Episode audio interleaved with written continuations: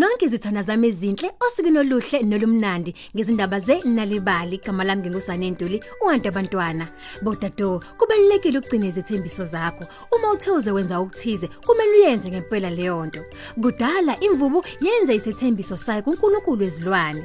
Kanti le ndaba le ibhalwe nguWendy Hartman osihloko sayo sithi ke kungani imvubu ingayidli inhlanzi. Nali ibali. Kudala emandulo zonke izilwane emhlabeni zenziwa ukuba zihlale endaweni yazo ekhethekile. Ngalezo zinsuku umngani wami uNkulunkulu wezilwane wazitshela ukuba mazihlale kuphi. Ezinye zenzelwa ukuba zihlale ezihlahleni, ezinye mngani zenzelwa ukuba zihlale emoyeni, kanti ezinye emanzini. Imvubu yona yenziwa yaba isilwane esasihlala ehlathini nasetshanini. Yayihlala lapho ijabulile khona. Zingekho nezilwane ezaziyihlupha ngoba isilwane ngasinye sasinendawo yaso ekhethekile. Futhi nje asikho isilwane sikade sizingela imvubu. Hawu ke mngani wami yayiye noma ikuphi lapho eyithanda khona. Idla noma yini yayifisa ukuyidla. Kodwa ke yayingevi nomhobholo. Kwakukhona ukudla okuningi lapha ekade ihlala khona. Into nje ayiyenza nje kokukudla nje kuphela mngani wami. Mm, okwaba imbangela yokuba iqhubeke phela nokukhuluphala. Ukukhuluphala kwayo kwakuyenza kuba izwele kakhulu kushisa. Ngalezo zinsuku emngani wami esezadlula, ilanga lalingeve lishise eAfrika. Kangokuba nje yayihluleka kumelana nelanga losukela lishisa. Okokuqala nje yazama ukuzifihla ngaphansi komthunzi wesikhothi eside lapha ibuye ihlale khona. Kodwa mm, yayingapholi ngokwanele. Kodwa ke mngani wami kwakuthi nje kwesinye isikhathi yayibuye ingene phela emthunzini wehlathi kodwa kwakuzifanela nje. Imvubu yabisiqala ukusondela ngasemfuleni. Zonke izinsuku uma iye emfuleni kuyophuza yayifika ibuke izinhlanzi ezincane ezasibhukuda abantu emanzini. Amanzi ayibukeka epholile emngani wami nezinhlanzi zijabulile okwabangela ukuba nemvubu ifune phela ukungena emanzini. Oh, kungaba kuhle kanjani nami mase ngihlale nezinhlanzi lapha emanzini. Awubheke nje inhlanzi sibuka zijabulile. Njalo nje uma imvubu iphumile ukuba iyodla yayihlezi icabanga ngalokho bakithi kwaze kwathi ngelinye ilanga yabona kuba yenza okuthize ngelinye ilanga lalibalele yamemeza yathi Nkulunkulu welwane, ngicela ukuba ungilalele.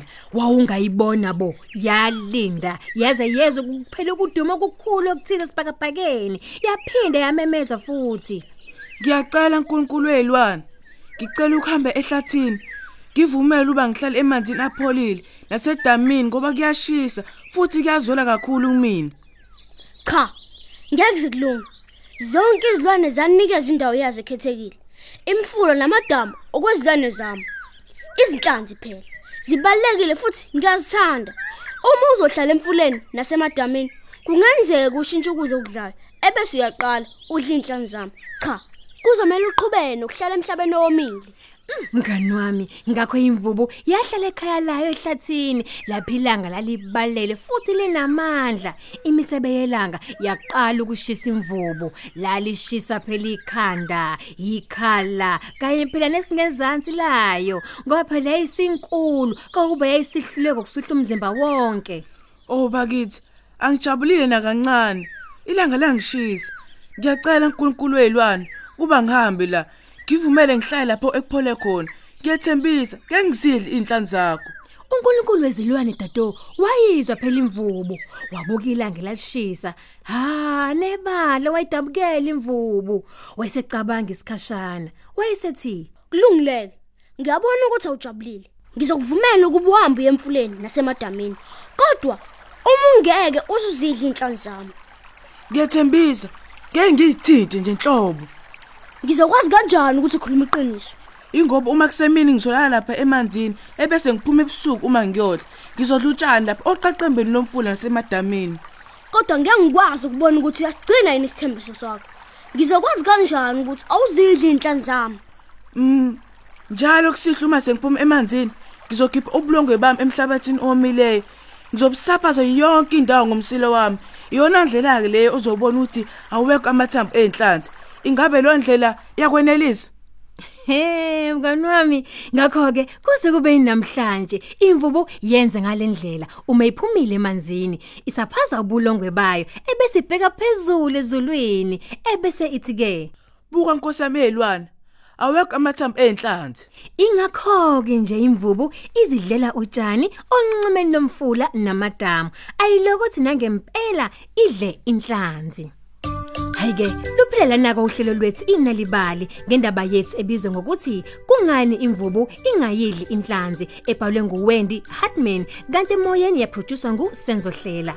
Mngani uyazi ukuthi ke ukufundela abantwana bakho izincwadi lokho kubabeke ethubeni labo lokwabenze kangcono emsebenzini yabo yesikole. Siyakhuthaza kuba abantwana bakuthande ukufunda. Uma usazithanda ezinye izindaba zethu ungangena kumebhisaythi yethu ngomakhalekhukhwini wakho uthi ke nalibali.mobi noma uthole khophe libali njalo ngamasonto ephepheni lakho iSunday World. Inalibali ithi ke walethe ekhaya amandla endaba. Nisale kahle.